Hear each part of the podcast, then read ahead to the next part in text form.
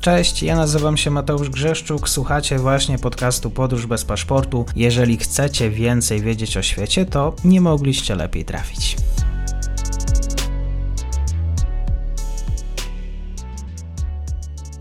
Dzień dobry wszystkim słuchaczom. Komentarz niedzielny, poranny. Moim gościem jest pan Michał Marek, Fundacja Centrum Badań nad Współczesnym Środowiskiem Bezpieczeństwa. Dzień dobry. Dzień dobry, witam serdecznie. Kolejna noc za nami. Podobno dużo się dzieje w Charkowie. Kijów się obronił. Jaki raport, że tak powiem, z oblężonych miast ukraińskich?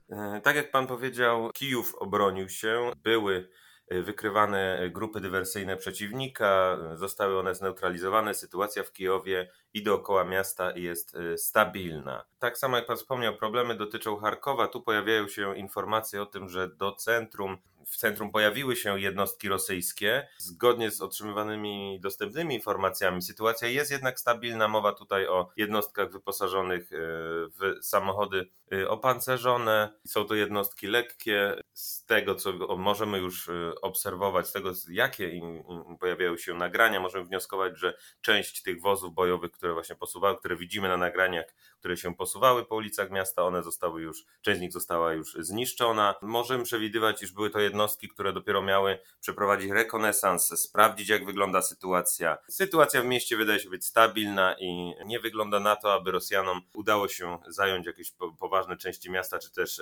osiągnąć pozycje, które by zagrażały obrońcom. Możemy spodziewać się, że będzie dochodzić do dalszych prób przeniknięcia do miasta, ale tutaj myślę, że strona ukraińska jest odpowiednio przygotowana i odpowiednio odpowie na tego rodzaju zjawisko, tu na próby przeniknięcia.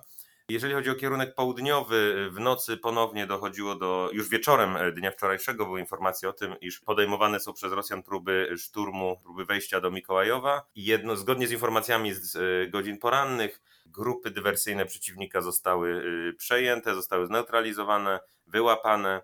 Przy podjeździe do miasta zniszczono przeszło 20 czołgów rosyjskich. Oczywiście informacje te jeszcze wymagają weryfikacji. Miasto znajduje się pod kontrolą sił zbrojnych Ukrainy.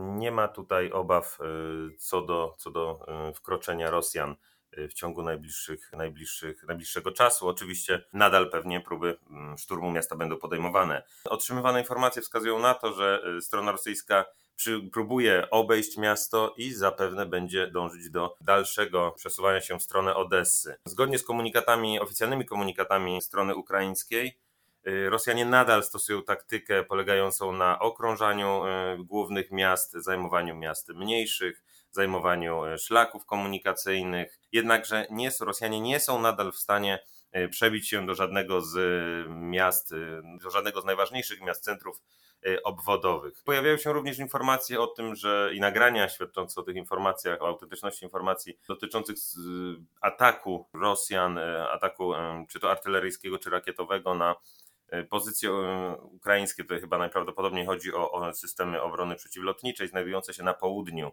obwodu odeskiego, miasto Arcys. Widzimy na nagraniach, że spadła tam, że doszło do wybuchu.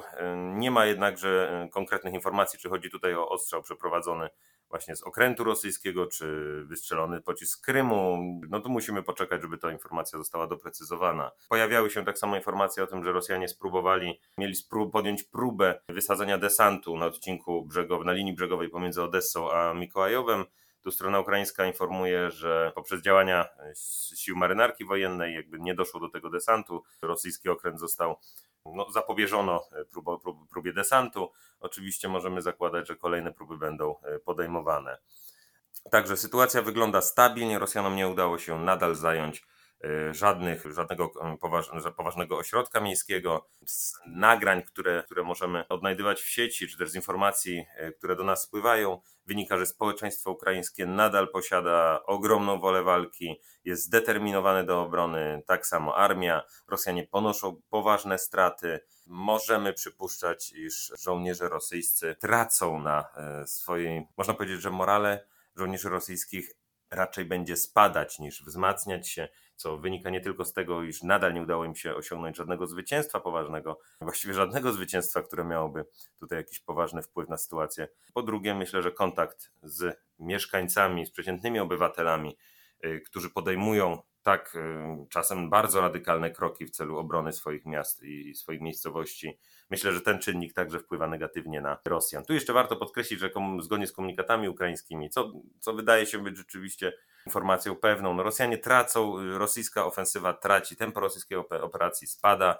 Kolejny dzień, kolejna noc, Rosjanie bez poważnych sukcesów. Właściwie można rzec, e, nie, że praktycznie nie, no, nie udało im się uzyskać żadnych nowych y, terytoriów. A co wiemy na temat wysadzonego gazociągu i składu ropy pod Kijowem? E, na ten moment y, nie, nie natrafiłem na informacje, które wskazywałyby, iż w wyniku tego wybuchu doszło do, jakich, do, do poważnych perturbacji, że, co, że, że, jest, że ma to jak, jakieś bardzo, bardzo poważne znaczenie.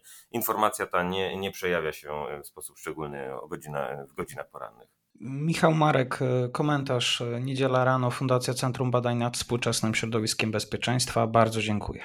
Dziękuję Państwu, dziękuję Panu. I to już koniec na dzisiaj. Zapraszam na profil podcastu Podróż bez paszportu na Facebooku, Instagramie i Twitterze. Zachęcam też do wsparcia mojej pracy na serwisie Patronite oraz Buy Coffee. Do usłyszenia.